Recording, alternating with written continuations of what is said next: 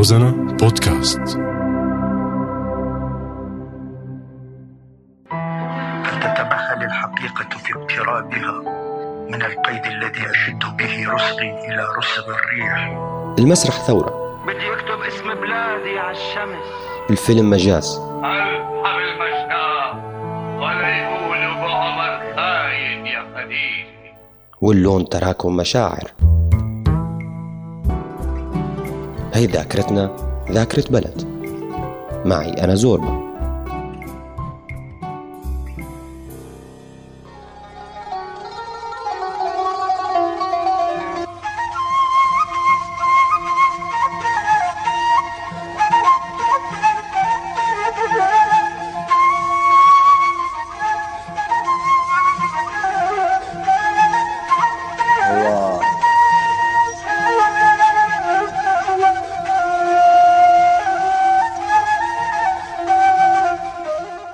بالركن المطل على جبهة الشارع بيتكئ الروائي على طاولة خشبية بتعبق منها رائحة الشخوص المارين عليها وهو عم يتأمل المكان المليء بالصخب ودخان السجائر اللي عم تطلع لفوق لتغرق كل تأملات وخيالات رواد المقهى. والتاني بيجاور طاولته وهو عم يرتب ويشذب المعاني والمفردات بمقالته اللي رح تنشر بمدينة مأهولة منذ التاريخ القديم ليومنا هاد. بينما الفنان التشكيلي جنب صديقه الشاعر وهو عم يعرج خطوطه ويشكل كتل وعم يصور هسهسة اللغة الشعرية الصادرة من كلماته يمكن كان وقتها فاتح المدرس غرقان بالكروكيات قبالة عمر أبو ريشة بمقهى البرازيل بشارع بارون. ويمكن مر وقتها لؤي كيالي التشكيلي قدام المقهى وهو عم يلوح لأصدقائه متجه نحو مقهى القصر بآخر الشارع نفسه. بيوقف للحظات وهو عم يقرأ إعلان عرض فيلم رح ينعرض بسينما روكسي. وبيتابع خطاه لحتى ياخذ ركنه المخصص بمقهى القصر واللي من خلاله بيصور بريشته ماسح الأحذية الصغير والبائعة المتجولة. أما أصدقائه من مرتادي المكان وهن عم يشربوا قهوة على مهل تاخذهم الأفكار وبيخلق جدل حول النتاجات الفنية الإبداعية. أمثال حامد بدر خان الشاعر شريف محرم التشكيلي نور اسكندر الموسيقي وحيد اسطنبولي النحات وكلش المسرحي والجراح والقلعجي والساجر وإخلاصي وكثيرين من أصحاب النتاجات الفنية الإبداعية. يلي بقيوا عايشين وعاصروا مدينة حلب وشارع الفن والثقافة والأدب والفكر.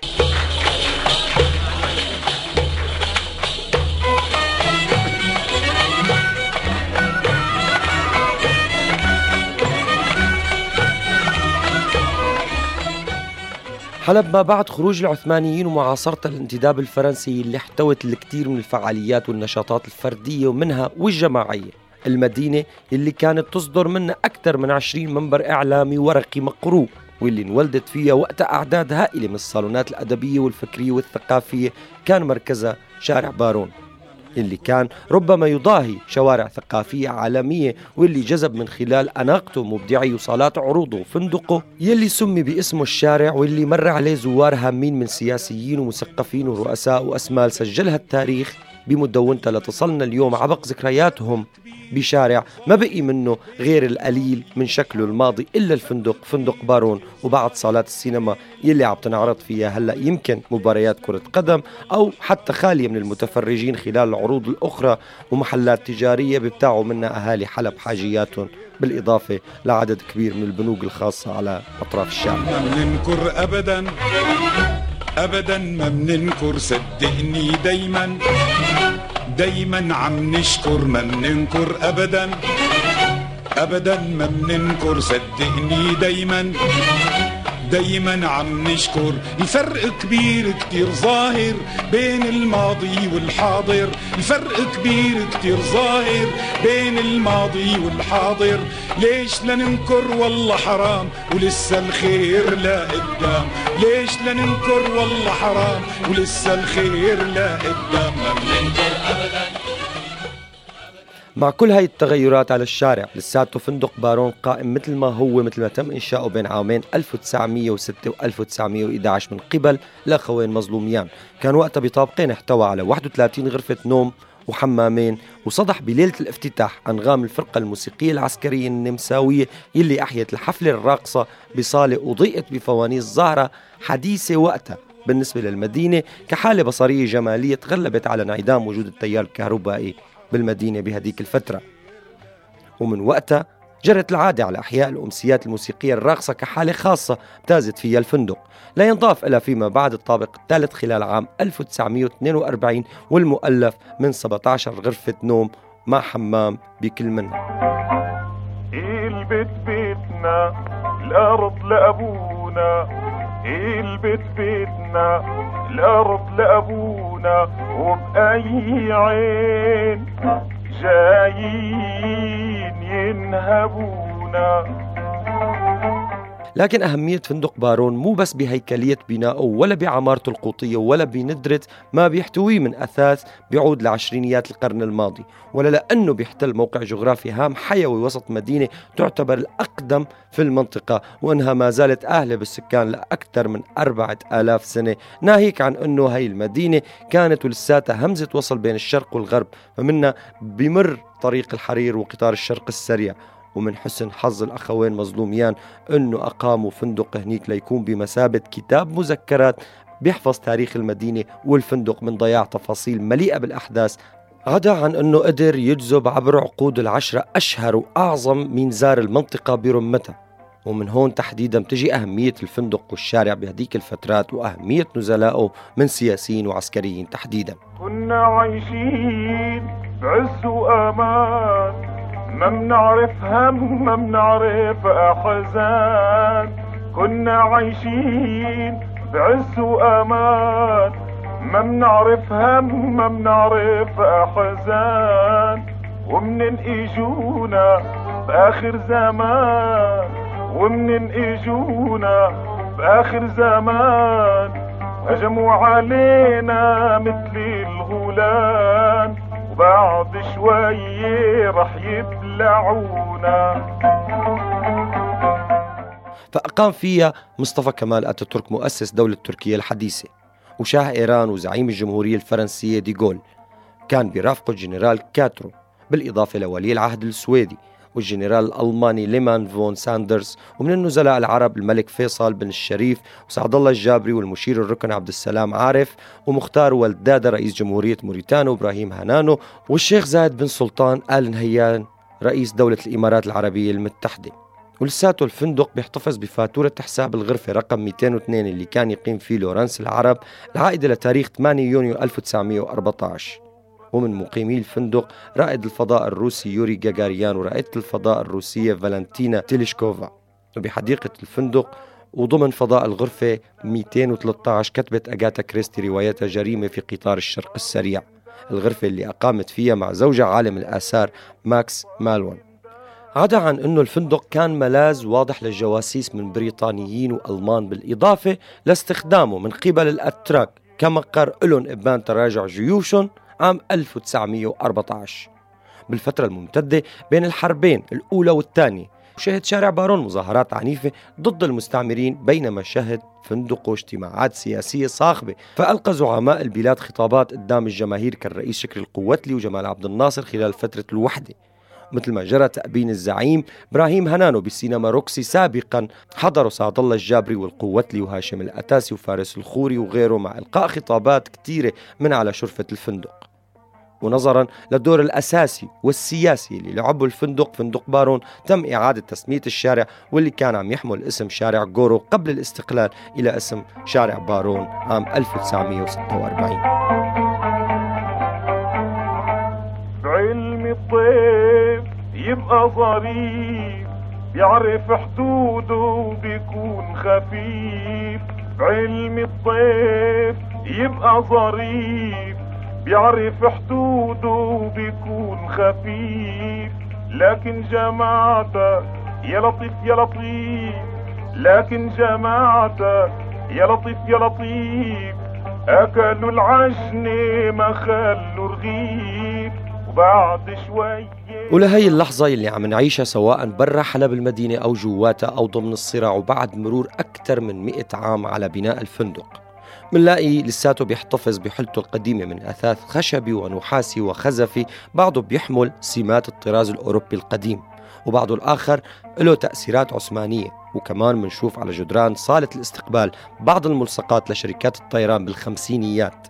بينما صالة النادي هي أشبه بسرداب كنائسي جدرانه مزخرفة بالخشب وإنارته خافتة جدا وخلف البار الصغير الملحق فيه عرض لزجاجات بعض المشروبات الكحولية المنقرضة من نصف قرن وأكثر عدا عن تفاصيل كثيرة عن تسميات القاعات بأسماء ياهو بدها إنصاف ملوا شيوبهن وطلعنا نضاف. الأرض فراشنا والسما الحاف الأرض فراشنا والسما الحاف ما عدنا نحصل على خبز الحاف وإمتى يا ربي رح يتركونا؟ البيت بيتنا الأرض لأبونا. البيت بيتنا الأرض لأبونا. وبأي عين جايين ينهبونا. اليوم على غير العادة بذاكرة بلد رح نستضيف آه، شخص له اسم بالساحة السياسية السورية. آه، رح نقول له ياخذ استراحة شوي من السياسة والصراعات ويجي على ذاكرة بلد لنتذكر سوا. آه، شارع بمدينة حلب. نحن كنا نسميه شارع الفكر والثقافة والفن بأربعينيات أو عشرينيات القرن الماضي. مساء الخير فؤاد إيليا بذاكرة بلد على هوا روزنا. شكرا لك وشكرا لاستضافتك الحقيقة شارع بارون آه، هو علامة مميزة بحلب. بموقعه الجغرافي بتقاطع مع شارع شكل القوات اللي بكمل على آه، المتحف من الجهة الثانية. آه، بيدخل باتجاه حلب القديمة. هذا الموقع الجغرافي الحقيقة كان مميز بالنسبة له. شارع بارون اللي تسمى بعد الاستقلال بهذا الاسم. طبعا نتيجة وجود الفندق المميز أيضا بهذا المكان. هذا الفندق اللي يعتبر أهم المعالم ال- الأساسية لما ورد لما جاء إليه ومن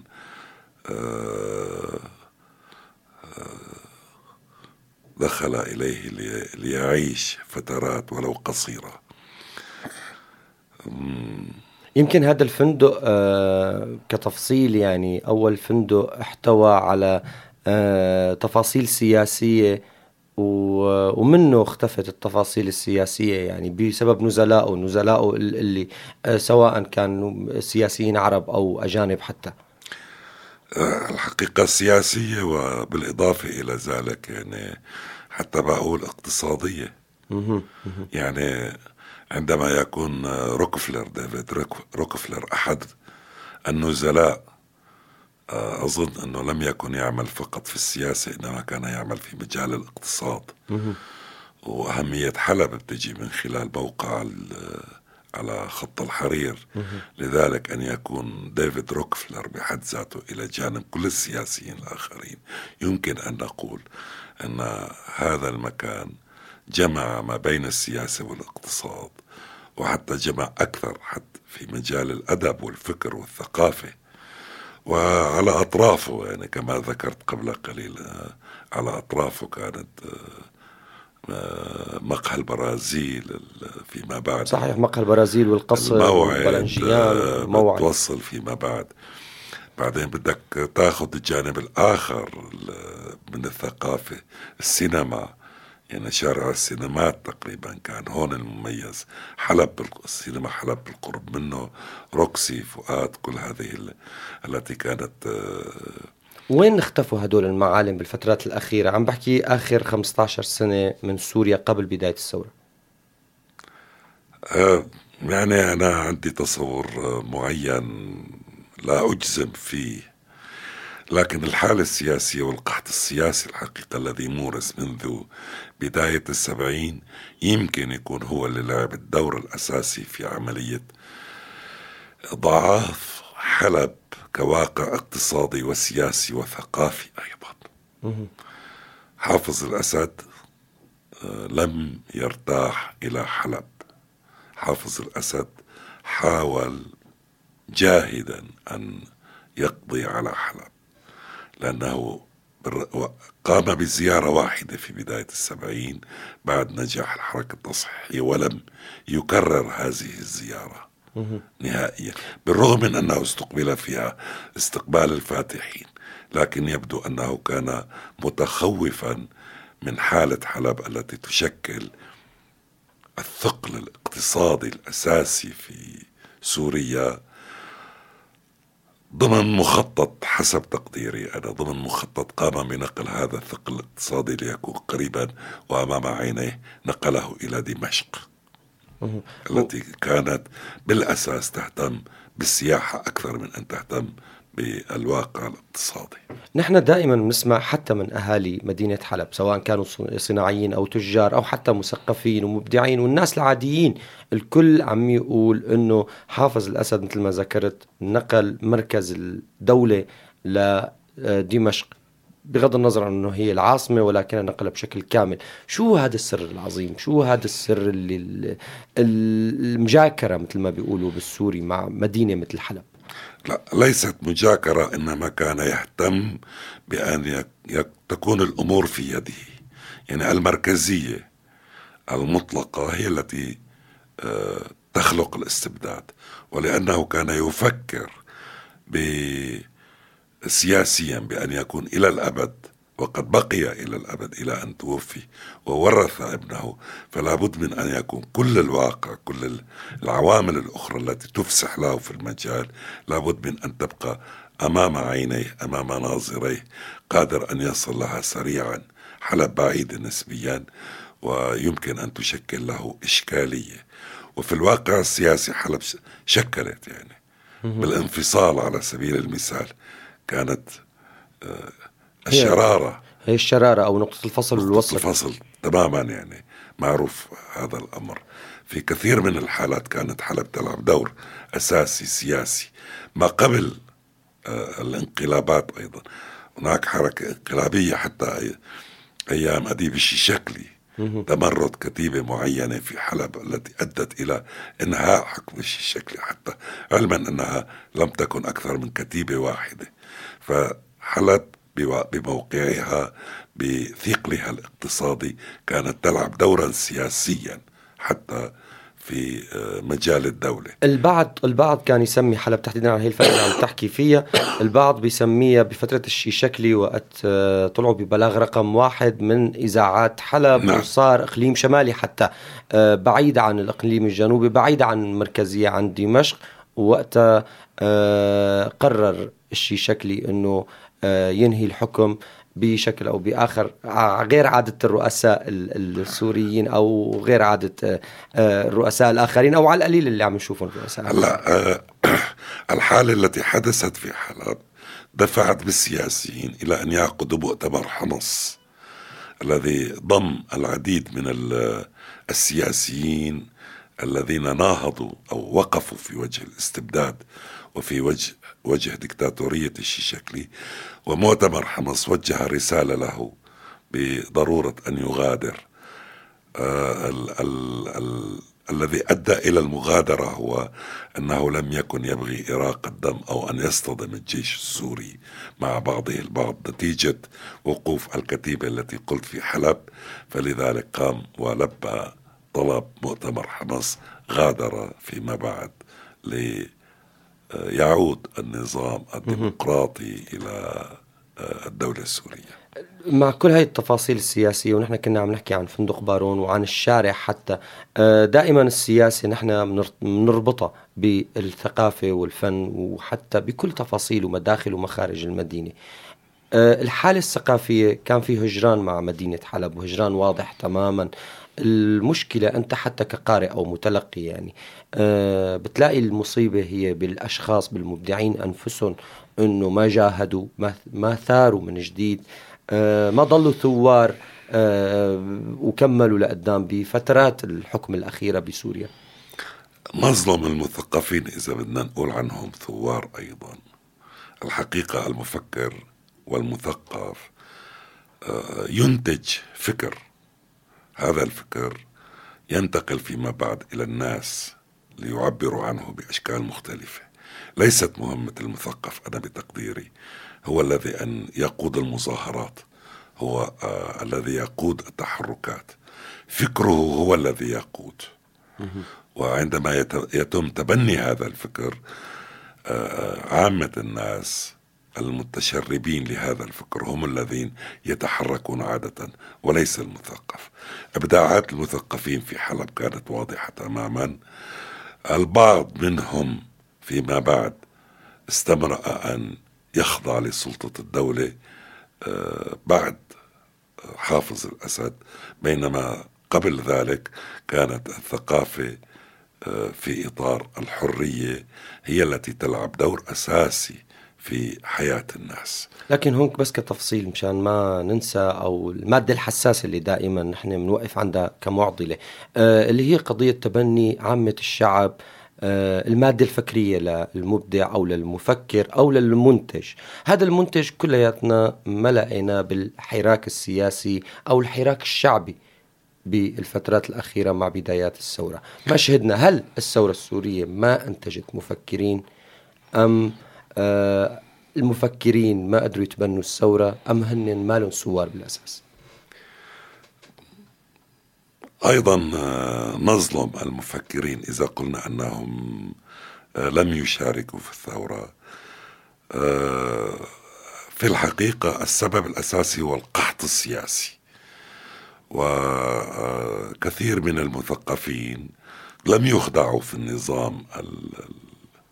السابق نظام الأسد لكنهم آه، يعيشوا حالة من الخوف مثلهم مثل عامة الناس. ليش دائما بنقول قحط سياسي وما بنقول قحط آه ثقافي؟ بمعنى المدني. ال- القحط السياسي آه، هو الذي يحرك. القحط الثقافي كان موجودا بشكل أو بآخر ولو بنسب قليلة. لكن لم يكن مترجما إلى واقع سياسي فالقحط السياسي هو الأساس. أيضا القحط السياسي الذي مارسه آه، حافظ الأسد في عملية آه، جعل ال- ال- البلد شمولي يعني كل الناس بعثيين بشكل أو بآخر فسيطر على الشارع بهذا الشكل هذا.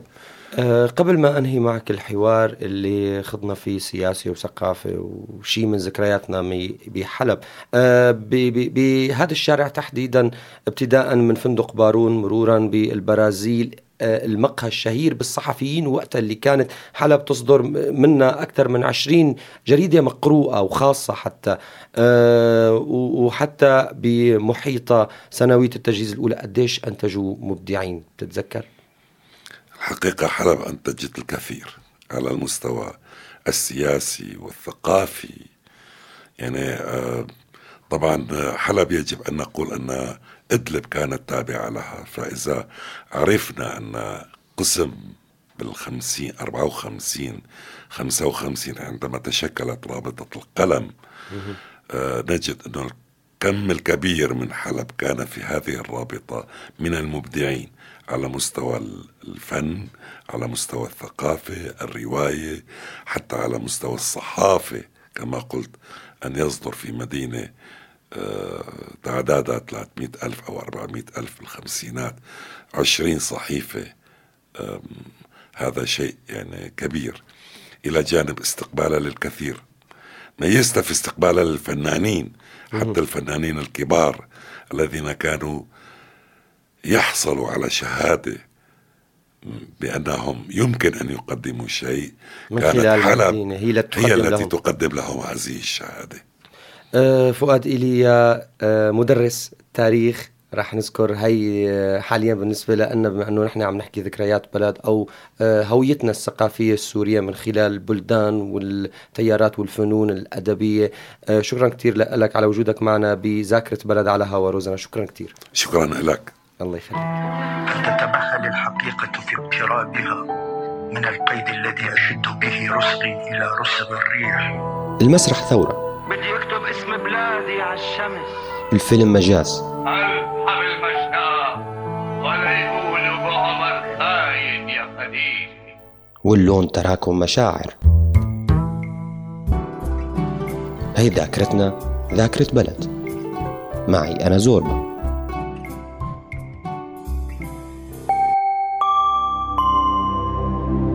روزانا بودكاست